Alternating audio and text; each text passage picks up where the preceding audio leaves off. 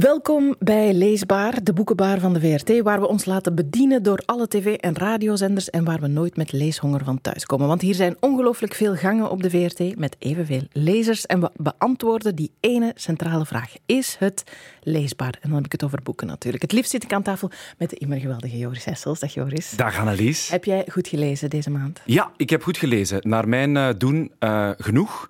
En uh, dat, uh, dat verheugt mij altijd en dat brengt mij altijd uh, in andere sferen. En dan ben je klaar voor de komende aflevering van deze podcast. Yes. Want er staat van alles op ons menu. Annie Ernaux die won de Nobelprijs voor de literatuur. Maar de vraag waar niemand al op antwoord op gegeven heeft is... zijn die boeken van haar ook leesbaar? Dus dat gaan we doen. Hm? Marian Temmerman die zou wel willen dat een schrijver van beeldromans... misschien wel de Nobelprijs wint volgende keer. Ze brengt haar favoriete graphic novel van het moment mee. 60 lentes van Inge En Aimé de Jong, wegens extreem tof en leesbaar. En Chantal Patin die komt ons vertellen of de nieuwe Jeroen Olieslagers Willem en de Wellust ook leesbaar is.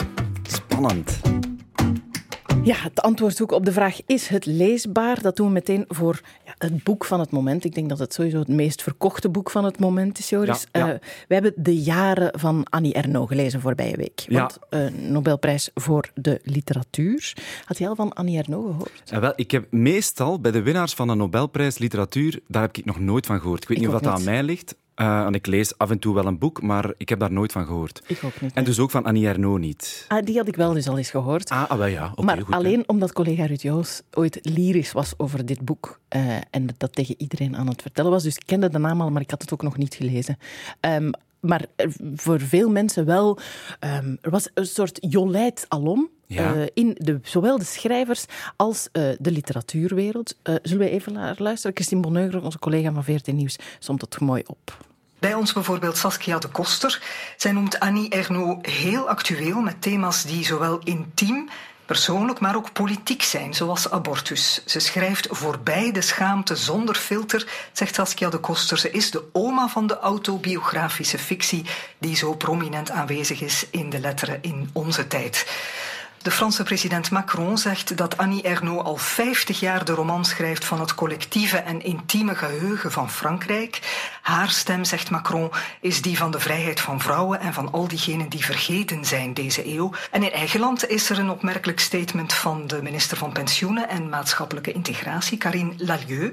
Zij noemt het een mooi signaal dat de Nobelprijs naar de getalenteerde Annie Ernaux gaat, de grote feministische militante, zegt ze, de pionier van de legalisering van abortus. Maar dus de, de verwachtingen zijn, waren hoog gespannen eigenlijk, hè? omtrent Ja. het boek De Jaren. Voor Om mij dan te toch. zeggen, konden niet hoger ges- gespannen zijn. Ja, hè? ja. Je verwacht dan wel de wereld eh, van dit boek.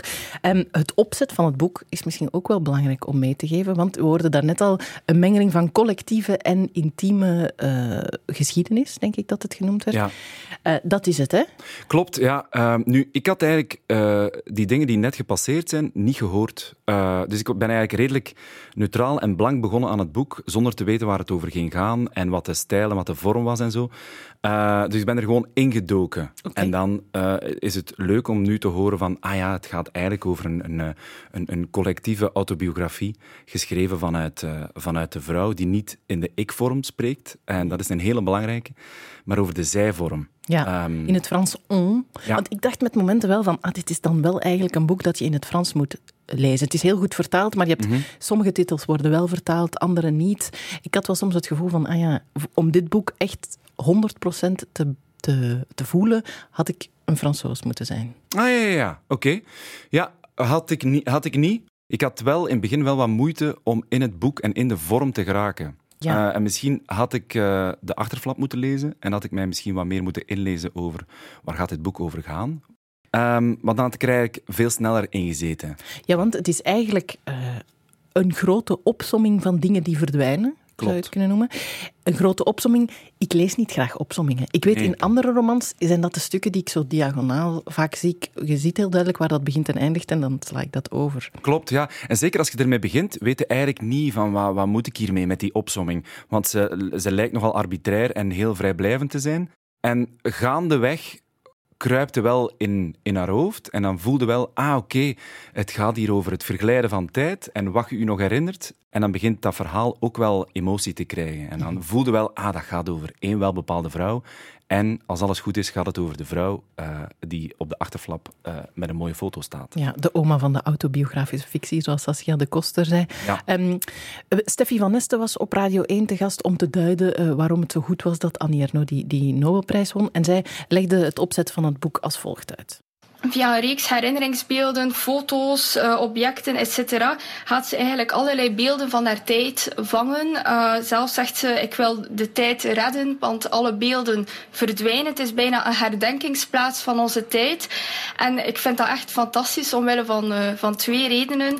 Ten eerste toont Erno hoe dat de, de zeden veranderd zijn tussen 1941 en 2006. Ze toont de verandering, maar ze gaat er ook niet over oordelen. Ze zegt niet, heden is beter dan het verleden of omgekeerd. Er is wel sterke maatschappijkritiek. En wat ik er vooral zo sterk aan vind, is dat iedereen iets kan herkennen in dat boek. Dat is wel straf, want uh, dat klinkt als een, een, een, jonge vrouw. Ja. Wie is Steffi? Een doctoraatstudent Franse literatuur aan de Universiteit Gent. Oké. Okay. Uh, ja, wel benieuwd naar wat, wat, wat iemand uh, van, van, van zo'n leeftijd, 22 jaar, haalt uit een boek dat voornamelijk gaat over de geschiedenis van een, van een vrouw die ondertussen in, in, in, in haar 70er jaren zit. Ja, het begint in 41, het boek. Ja. De, daar, daar, was Steffi niet bij. Daar was ik ook niet bij. Nee, daar ik ook niet. Ik ook niet. Nee, maar ik heb wel een groot stuk van het, van het, vanaf de jaren tachtig ben ik wel mee met, um, met, uh, met de opkomst van, van betogingen en dan in de jaren negentig het verval van die betogingen en dan het neoliberalisme dat, mm -hmm. dat opgang vindt en zo. Um, maar ja, je zit toch vooral te luisteren naar, oké, okay, wat heeft iemand van die, die, die al lang leeft uh, van de geschiedenis of ja. van haar geschiedenis onthouden? Wel, want het is, het is dat, die collage van dat persoonlijke verhaal. Toen was ik altijd mee, als ik mm, het las. mhm. Mm. De, verhaal over een abortus, over een scheiding. Soms ook heel fragmentarisch, dus dat je wat benieuwd bent wat er gebeurt. Maar anderzijds heb je met momenten een opsomming van titels, van films, van politici die ik niet ken uit de jaren. En dan is het voor mij, geboren in 89, dus ik heb alleen maar bewust misschien 2000 tot 2006 dan meegemaakt, wel moeilijk. Um, want ik weet niet waar het over gaat. En je, je wil niet gaan googlen, uh, want dan ben je vier jaar verder, denk ik, als ik Klopt. alles had moeten googlen wat ik niet begreep. En het is misschien een rare brug, maar ik moest heel vaak aan Kvragetaan van de Fixkes denken. Ah, ja, ja, Want ja, ja. Merlina van de Parafix, dat zegt mij ook niks. Nee. Uh, maar daar, ik vraag het aan, dat zeiden wij ook nog wel. Dus daar Maar vind je dat erg dat je dat niet kunt plaatsen? Ja. Ah ja, oké. Ik denk dat ik het, als ik het niet had moeten lezen, had ik het niet uitgelezen. En ik ben wel heel blij dat ik het heb uitgelezen. Ah ja, ja. Omdat het, het is zo lang voor mij voor er iets... De gekke koeienziekte is het eerste dat ik mij bewust herinner dat in het boek... En ik denk dat we dan, ik zou het moeten nakijken, ergens pagina 200 of zo zitten. Ja. Want het laatste stuk beschrijft ze eigenlijk ook het minste. Mhm. Um, en ja, als Jacques Brel valt, die ken ik natuurlijk wel. Dat zijn zo kleine strohalmen waar ik me dan aan vast kon houden. En op de duur had ik gewoon iets van, ja, dit zijn gewoon allemaal titels die ik niet ken. Ja. Dus ik snap dat mensen dan zouden stoppen met lezen, zeker mensen van mijn leeftijd. Ja, maar eh, voor mij bleef dat, bleef die, bleven die feiten uh, redelijk op de achtergrond. En, en, en haar verhaal, Mhm. hoe zij zich daar tegenover positioneert, tegen die steeds veranderende wereld. Uh, en zij die dan ook andere identiteiten aanneemt, bij wijze van spreken. Dat vond ik wel, vond ik wel belangrijker. Mhm. Of dat, dat is er bij mij veel meer uitgekomen, zeker naar het einde van het, van het boek. Dus ik ben er wel helemaal, ben helemaal wel ingenomen door, uh, door haar kijk op de dingen en, en hoe ze die vorm blijft volhouden Ja. van zij. En dat dat toch niet onpersoonlijk wordt. Um, want je zou denken, iemand begint ik te zeggen en dan wordt het echt heel persoonlijk en, en um, authentiek, maar de, de, het verliest zijn authenticiteit en zijn persoonlijkheid niet. Dus ik, het, heeft mij wel, ja, het heeft mij wel geraakt, moet ik zeggen. Ja. Ik ga ik zeggen, wat dan, ik hou meer van de ik. Oké. Okay. Um, ja, ik hou, ik hou er wel van als mensen nog net iets meer die ik-vorm gebruiken. Ik, ik heb het graag gelezen en het waren net die persoonlijke stukken die mij dan toch raakten en die mij meenamen. Ja. Um, maar mijn conclusie zou zijn op de vraag, is het leesbaar? Um, ja, als je oud genoeg bent en als je het begin even doorbijt. Ja, ja ik, was, ik was denk ik enthousiaster dan jij, want ik ben... Ik, je bent oud, hè? dat ik, is daar. Ja, voilà. Ik, ik kom uit de, de, de, prachtige jaren 80, geboren in 1980. Um, ja, had ik daar wel iets mee. Nu, ik moet ook wel zeggen dat ik, ik ben ook verzot op jaaroverzichten en, en dat soort dingen. En dingen die zo op de achtergrond passeren terwijl een, een leven geleid wordt, um, ja, vond ik, vond ik wel heel mooi. En die zinnen, uh, ik heb er ook heel veel aangeduid en ik wil er eentje um, delen, als dat mag. Dat mag. Het is de eerste aflevering van een podcast, dan mag dat. Hè. Naast datgene wat mensen vanzelfsprekend doen en zeggen, naast datgene wat ze worden geacht te denken, het zij onder invloed van boeken of van reclameaffiches in de metro of van moppen, zijn er op elk moment van de tijd alle dingen waarover de maatschappij zwijgt en niet weet dat ze dat doet. Waardoor mannen of vrouwen die die dingen aanvoelen, zonder ze te kunnen benoemen, tot eenzaam onbehagen zijn veroordeeld. Een stilte die op een dag abrupt dan wel beetje bij beetje wordt doorbroken, waarna er woorden opwellen voor de dingen die eindelijk worden erkend, terwijl zich daaronder andere stiltes vormen. Ja, dat, kan schrijven, hè? Ja, dat, is, dat zijn heel mooie zinnen. Goed vertaald ook. Ja, dat toont heel, heel erg zo de, de, de, de schaamte doorheen de jaren. Ja, ik vond het echt bijzonder. Dus op de vraag, is het leesbaar? Zeg ik volmondig, ja, maar je moet even door die vorm. Ja, en misschien naast is het leesbaar ook de vraag, terechte winnaar van die Nobelprijs? Ja, dat weet ik niet, want uh, op basis van dit boek uh, zeker wel. Maar ja, ik ken haar andere boeken niet. Het is maar... tegen de volgende podcast de opdracht. Alle boeken van Annie Ernaux. Ernaux, oké. Okay. Komt goed. Soms worden wij ook aangeklampt door mensen in de gang hier. Zeker Joris Hessels, omdat hij bekend is natuurlijk. Nou, nou, nou. Dat valt allemaal mee. Dat mag nog meer zijn zelfs. Vooral zeggen ze tegen ons: Joris, Annelies, dit boek is zo goed. Het is extreem leesbaar. Mag ik er alsjeblieft over komen vertellen in jullie podcast? Zo kregen wij een graphic novel, 60 lentes, van Inge Chabar en Emme de Jong in onze handen. Gepropt dankzij een VRT Nieuwscollega en daar waren wij heel blij mee. Dag Marian Temmerman. Dag Marian. Hallo. Uh, wij kennen jou als uh, journalist, maar uh, meteen alles bloot. Jij bent een graphic novel lover. Ik heb een passie voor graphic novels. Enfin, ik noem het eigenlijk beeld, verhaal of strip. En, okay. en, waarom, Marian? Mag ik dat vragen? Goh, omdat graphic novel, dat lijkt alsof het iets anders is dan... Het is gewoon een goede strip, een goed boek om te lezen. Meer dan dat is het niet, in de zin van het leest. Ja. Je hebt er heel veel. Hè? Ik, als ik, ik ben een beetje geïntimideerd als ik die rayon binnenwandel in, in grote boekhandels, waar, waar ik zou moeten beginnen. Daarom nodigen wij jou natuurlijk ook uit. Snap ik. Ken jij dan al die namen die je daar ziet? Of veel? Uh, veel van de namen, want we hebben een paar heel grote namen ook bij ons. Uh, ik zeg maar wat, Judith van Istendaal kent ondertussen misschien wel iedereen. Uh, Brecht Evens. Enfin, zo zijn er wel een aantal. Ook in Nederland heb je, en dan natuurlijk Frankrijk. Hè, daar heb je heel veel Dat is echt een, een strip. Is dat het Walhalla van de graphic novel? Ja, daar, goh, daar hebben ze nog meer. Een traditie, wij ook, hè, maar wij dan meer zo de Suskes en Wiskes, kuifjes, dat soort dingen. Uh, maar daar heb je nog veel meer een traditie. Een heel rijk, breed oeuvre. Ja, ik heb een hele stomme vraag. En als er stomme vragen moeten gesteld worden, ben ik er graag bij, Marian. Maar wat, voor, wat is het grote verschil tussen een graphic novel uh, het, het, het, boek dat nu voor jou ligt ja. en, een, en een strip zoals ik ze ken, uh, zoals ik ben opgegroeid met kiekeboes. En... Ja, voor mij is er geen onderscheid. Maar, ah, ja, maar je zou kunnen zeggen dat dit meer uh, bij een roman aansluit. Hè, terwijl je zo meer het, het schelmen en het avonturenverhaal van een Susken en Wiske Jommeke, dat soort strips dan, hè, dat is een bepaalde stroming. Is dit eerder een roman, maar dan in beeld? Oké, okay. met echt ongelooflijk straffe tekeningen. Want het moet ook ja. gezegd, uh, je hebt een boek, het, boek wat je nu wil bespreken of in de, onder de aandacht wil brengen, heeft al een prachtige cover, vind ik. Want wat staat erop? Wat staat erop? Uh, um, een vrouw die op een Volkswagenbusje ligt. Ze ligt echt op het dak, ja. met haar hoofd naar achter en ze pijnst in de verte. Met een prachtige achtergrond, hè, mooie luchtachtergrond. Ja. En je wordt meteen getriggerd. Hè. Wat ja. is er met die vrouw? En ik weet dat je dat nooit mocht vragen aan vrouwen. Ik weet heel weinig, hè, maar dat weet ik wel. Je mocht nooit vragen aan vrouwen hoe oud dat ze zijn. Maar de titel verklapt al iets over de leeftijd. En de haarkleur misschien ook. Ja, 60 lentes, zo heet het boek. Ja, het gaat over dus inderdaad Josie, zo heet ze. 60 jaar oud en het begint meteen op haar verjaardag. Want ze neemt een besluit. Um, ze vertrekt. Ze zit aan tafel, moet je echt voorstellen, aan tafel met verjaardagstaart die op tafel wordt gezet. Haar kinderen, haar echtgenoot, waarmee ze 35 jaar getrouwd is, en de kleinkinderen zitten allemaal klaar, willen gaan zingen. En ja. zij zegt, ik vertrek. Ik verlaat je tegen haar echtgenoot, waar iedereen dus bij zit. Verbijstering alom, ja. onbegrip vooral.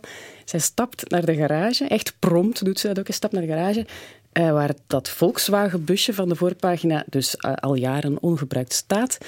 Ze start de motor, dat ding werkt en ze rijdt weg. Ja. Een beetje kippenvel. Ja, ja. ja. Een goed vertrekpunt, een goede ja. premisse voor een boek. Ja. En waar, waar gaat ze dan naartoe? Uh, twee dorpen verder, denk ik. Niet veel verder dan dat raakt ze. Daar gaat het eigenlijk aan zich dan ook niet om. Maar, maar twee dorpen, en daar gaat ze dus overnachten, slapen in dat Volkswagen. Het is putje winter. Slapen in dat Volkswagenbusje. Mm. En dan gebeurt er van alles, maar eigenlijk is dat niet het allerbelangrijkste. Het gaat vooral over het interne proces. Heb ik nu de goede beslissing genomen? Een huwelijk opblazen na 35 jaar? Ehm, en er is zoveel onbegrip en niemand vraagt daar eigenlijk, of weinig mensen vragen naar van waarom ga je nu weg? De meesten werken of praten op haar in en zeggen van hoe, hoe egoïstisch is dit nu eigenlijk? Dat je je man, die zich dan wentelt in een slachtofferrol, en je kinderen en iedereen achter je laat. Dat is wel een verhaal en op zich al een personage. Uh, vrouwen van, laten we zeggen, boven de 40, die worden sowieso wat genegeerd in, uh, in literatuur. Die zie overal, hè? Ja. ja. Laat ons ja, overal zeggen. Um, en dan zeker dat verhaal van een man achterlaten, dat lees je niet zo vaak. Nee, en dat roept blijkbaar controversen op, want uh, ook van lezers hoor ik van, allee, hoe kan dat nu? Zo egoïstisch zijn en geen verantwoordelijkheid uh, opnemen, dat kan toch allemaal niet, hè? Zo, zo eendimensionaal personage. Terwijl je dan denkt, ja, die vrouw heeft haar kinderen grootgebracht, heeft mm kleinkinderen. Een man, ja, van ook, zal wel ook rond de 60 zijn. Ja, welke verantwoordelijkheid, waarover heb je het? Hè? Je hebt ook een verantwoordelijkheid, misschien, enfin, dat zijn dan de vragen die je kunt hebben, om, om gelukkig te zijn in het leven. En, en um, ja, ik wil natuurlijk niet... Uh niet al te onbeleefd zijn, maar jij bent nog lang geen 60 jaar, hè? Nee. Uh, Marianne. Um, Toch is het herkenbaar. Ja, ja. Wa waarom is het zo herkenbaar bij jou? Waar, waar resoneert er bij jou dan? Goh, ik denk, zoals veel mensen, je hoort het overal rond je, lange relaties zijn geen evidentie. Uh, en op bepaalde mensen komen die vragen boven. Hè, van, is dit het nu? Uh, Doe maar heeft er een prachtig nummer ooit over gemaakt. Is dit het kan ik het toch niet anders proberen om meer uit het leven te halen? Wat is dat dan? En dat zijn ook de vragen die echt bij haar opkomen. Um, er is ook wat controverse. Ze wordt op een bepaald moment heel erg verliefd op een andere vrouw. Ja. En dan wordt er gezegd, oh, meesurfen op een trend. Hè. Hetzelfde geslaagd, hè, van meer boeken te verkopen. Maar dat vind ik niet, want het is eigenlijk in beeld gebracht alsof het toevallig een andere vrouw is. En daar draait het eigenlijk niet om voor haar, ook niet dat het een andere vrouw is. Het gaat gewoon over, ja, dit kan nog op mijn leeftijd. Mm ik, ik, kan nog verliefd worden. En, en iets helemaal anders dan alles wat ik hiervoor gekend heb. Waarmee ik trouwens eh, niet wil verklappen hoe het afloopt, want dat zegt eigenlijk weinig over wat er verder nog gebeurt. Ja, je hebt mij alvast uh, warm gemaakt voor dit boek. Mhm. Ehm, was het ook troostend voor voor de vrouw die Marian Temmerman heet? Ja, en dat ligt dan uh, volledig aan de tekeningen van Emé de Jong. Daar hebben we nog niets over gezegd, maar dat is een Nederlandse striptekenaar. Mm en, echt een, een, talent, 34 en al ongelooflijk veel gepubliceerd, mooie prijzen gewonnen. Um, ze begint heel donker, uh, de prenten zijn heel donker in het begin als, als die vrouw weggaat. En dat wordt dan ja, prachtig verlicht en... en ook de emoties die, die zo goed op die gezichten getekend worden, ja, absoluut. Ik, Meeslepend. Ik merk bij mezelf, als ik een graphic novel van beeldroman lees, dat ik eerst voor het verhaal aan het lezen ben en dat ik soms vergeet, als het een goed verhaal is, om naar de prenten te kijken en dat ik dan nog eens. Is dat bij jou ook? Precies, absoluut. Dit is echt zo één waar je gewoon de blaren omslaat en denkt van, oh, hoe loopt dat hier nu uiteindelijk af? En dan denk je, goh, wat heb ik nu eigenlijk gezien? En dan ga je terugkijken en dan zie je pas ja, dat het een meestertekenaar is. Hè. Mhm. Ja. 60 lentes. Wil je nog iets vragen, Joris? Nee, nee. Ik, ik, ik wou je bombarderen tot de ambassadeur van de graphic novel bij deze. Officiële badge. In dank yes. aanvaard. Ja. Doe we. Marianne Merci. Dank je wel.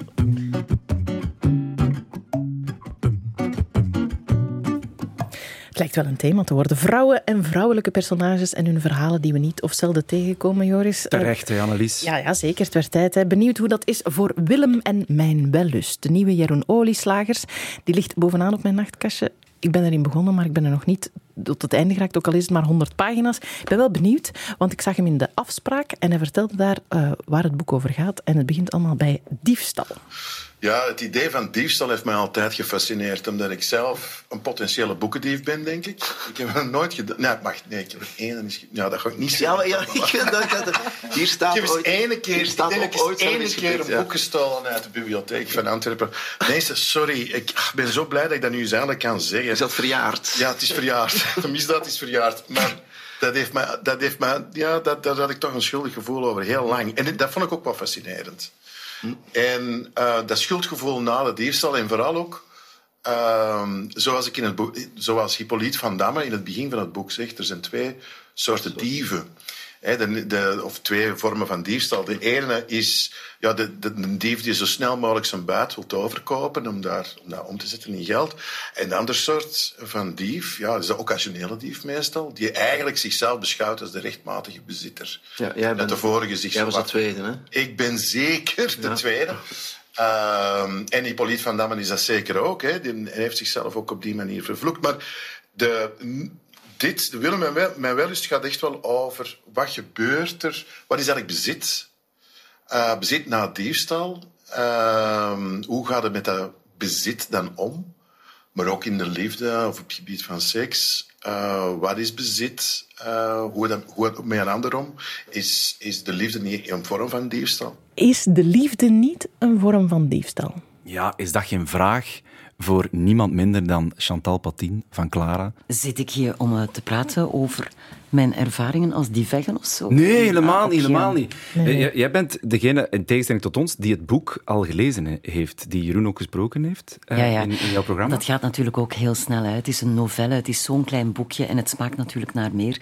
Want het is een soort van prelude op een grote roman die er zit aan te komen. Maar het gaat niet alleen over de diefstal. Het gaat ook echt over de liefde. Maar het is, het is heel mooi wat je meemaakt tussen die Hippolyte van Damme, zoals eh, Jeroen zijn eh, personage al heeft aangekondigd. Dat is een feuilletonschrijver voor de Gazette in die tijd. Mensen lazen dat ongelooflijk graag. Zoals wij nu eh, Netflix-reeksen verslinden. Wat zeg ik? Reeksen op VRT Max natuurlijk. Of eh, podcasts. ehm, en, en die is altijd op zoek naar materiaal. En daardoor gaat hij eigenlijk eh, stelen. En hij wordt daar niet bijster gelukkig van. Maar ondertussen ja, vindt hij de liefde. Ehm, en dat gebeurt allemaal op een trein. Dat is wel tof eigenlijk. Hè? Je neemt de trein en dan eindig je in de armen van een heel mooie vrouw. En dat is dan eh, Amandine. En dan gaat het ook over, wat, wat is dat? Want die hebben eigenlijk een affaire, want zij is uiteraard getrouwd. Ehm, ja, wat is liefde? Eh, is dat die vrouw hebben, bezitten, helemaal, of alleen maar nu en dan? Ja. En dat is ook wel heel mooi in het eh, boek. En er zit nog een andere liefde in, want niet alleen Hippolyte van Damme is ook een getrouwde man, maar eh, ligt daar in die armen van die Amandine. Maar we zitten dan ook met één been in de 16e eeuw. En dat was natuurlijk ook de tijd van de roman Wilde Vrouw, ten tijde van de beeldenstorm. En daar maken we kennis met Willem Sylvius, die ook brieven schrijft aan zijn vrouw, die denkt van waar zit die vent toch weer? De smeerlap. Hij ligt in de armen van een ander, maar eigenlijk heeft hij een, een heel ander plan. Is hij bezig met politiek in die tijd en, en wil een en ander redden. En steelt. En dat allemaal in een boekje van Hoop en Al, 100 bladzijden zeg je. Ja, 94 of zo. Ja. het, het, is, het zit vol. Dus ja, het is, het is ongelooflijk. Het zit vol, zeg je, eh, maar eh Jeroen Oorslagers gebruikt vaak wel eh, gezwollen taalgebruik of verandert zijn stijl ook doorheen zijn uiveren. Wat mogen we nu verwachten? Ja, wat heel mooi is, is dat eh, ehm, de brieven die Hippolyte van Damme steelt, dus onze eind 19e eeuw, dat zijn eigenlijk de brieven die Willem Sylvius, de drukker uit Antwerpen, schrijft aan zijn vrouw. Ik weet niet of die echt bestaan, eigenlijk doet het er ook niet toe, maar dat zijn de brieven die ook Jeroen heeft eh, opgetekend in dat prachtig eh, taalgebruik van hem. En dat begint dan met mijn zoetminnende echtgenote enzovoort. En dat is Jeroen op eh, zijn best. En dan schakelt hij weer naar het einde van de 19e eeuw. En maken we die ja, verbitterde figuur mee, die, die Hippolyte, die het eigenlijk helemaal niet meer ziet zitten. Die, die echt gewoon gefrustreerd op zijn leven terugkijkt. Zowel de liefde, zijn carrière, het feit dat hij nooit tot een of andere club heeft kunnen behoren. Het is, eh, ja, het is niet zo'n vrolijk personage. Ja, ja, ja, en het begint zo mooi mee op de trein met de Elkanders en de Ofschoons. En het, het is een plezier om te lezen. Het gaf inderdaad meteen zin. Als het over die taal gaat, zitten we in de titel opnieuw met een W, of twee W's. Eh, Want we hebben Willem en mijn wellust. Na wilde Klinkt vrouw. wel goed. Ja, na wilde vrouw, na wij, na wil. Mhm. Ehm, dat zijn veel W's. Dat valt iedereen op. Ook Bart Scholz in de afspraak. En hij vroeg dan ook, waarom toch, Jeroen? In tegenstelling tot de Jeroen uit de jaren negentig, die niet echt geïnteresseerd was in een uiveren, probeer ik dat nu wel te doen, nogal heel nadrukkelijk. Ik probeer die boeken bij elkaar te houden door die wees. Ja, en dat werkt, hè? Ja, eh, meer en meer blijken te werken. Ja. Ja. Dat werkt inderdaad met die W's. Chantal, heb je hem gevraagd of het volgende boek dan ook een W in de titel zal krijgen? Ja, ik heb dat uh, gedaan ik heb zo een donkerbruin vermoeden dat het wel eens een A zou kunnen zijn. Want uh, Jeroen wil zich concentreren op een vrouwelijk hoofdpersonage. En hier maken we natuurlijk die mooie Amandine uh, mee, die gedurende 94 bladzijden vooral eigenlijk naakt in haar bed ligt met die Hippolyte van Damme. En dus ik, ik denk misschien dat het met een A zou kunnen beginnen. Ik weet het niet, tenzij hij er Wamondine van maakt natuurlijk. Maar uh, dat is aan de vrijheid uh, van Jeroen Olieslagers. Chantal, uh, om af te sluiten, we stellen eigenlijk telkens dezelfde vraag als het gaat over de boeken die we bespreken. Is het boek van Jeroen Olieslagers leesbaar of niet? Natuurlijk. Het is bijzonder leesbaar. Het is echt, het, eh, dat is niet alleen leesbaar, dat gaat puur over leesgenot. Je begint, en ik lees dat met een smile, omwille van de taal, omwille van het verhaal. Dus uh, ja, 94 bladzijden, dolle pret. Oké, okay, leesbaar, check. Dankjewel, Chantal. Dankjewel.